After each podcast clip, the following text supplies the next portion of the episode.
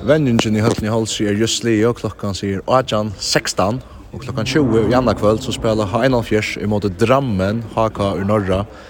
Europacup-dist, Peter Thomsen, Heinalfjerslegger, hvordan heter han det? Uh, jeg har det godt, uh, jeg er spenter, og ja, jeg gleder meg selvsagt til morgen, og ja, det har vært spennende at jeg møter Drammen. Hva er uh, vånene til, til disten? Uh, vånene går, Eh, läge hopp någon är gott och alla vi ska öliga spänter att jag möter en leje åtalanda fra.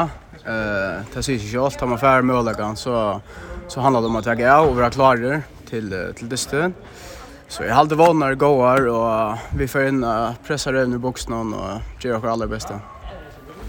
Jag också har man sjön ta drammen kommer på pollen att det var ganska isotropult eh tror mot stöva i mot kvar man kanske hej våna är det där så att säga att det underdogs?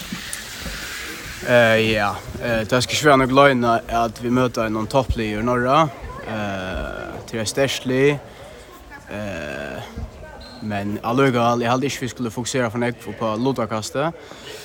Eh vi har trekt rammen, eh vi får största gavitta eh och vi har fyra gånger nu i några månader och på ända dysten och Ja, helt sånn håndbøttester som alle er her.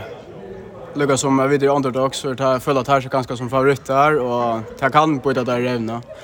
Eh, og vi spelar hemma vart lä och i vanliga när när glas ska komma i höllna så så förutsättningarna jag när det går skulle shit allt. Jag tror är det at att to och Heina Fjers sjön det kan nå i Europa Cup senast så är för två månader sedan ta ta vara ett Leo Slovenien men jag kan navnet, et att Leo Slovenien så och titt ja Maribor akkurat da, och Och det vinner den första dysten. Eh till det lärst man vinner i Europa eller vad? ja, nu var det först för vi låt och för fem månader sedan och jo jo, alltså till en fyra månader vi där prata för.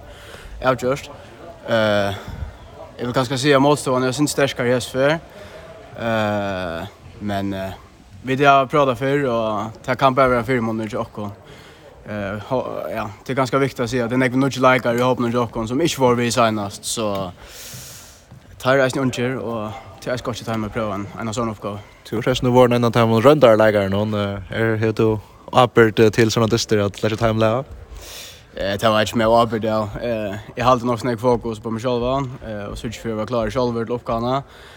Nek var sånn unge drønns noen tar i vann, vi har spørt store dyster, bare for 41, og for å ta det om på landslig, så jeg er slett ikke om at jeg skulle være klar til morgen. Helt enda, hva drømte du om for hent i morgen? Jeg drøm uh, først og fremst om at vi får en stort liten gång dyst nekker noen Askaron. uh, og så heter det stort lille til at uh, ja, jeg surpriser uh, hoppas vi nu ganska tills två. Gå ut med til Petter Thomsen, vi gleder. Takk for det.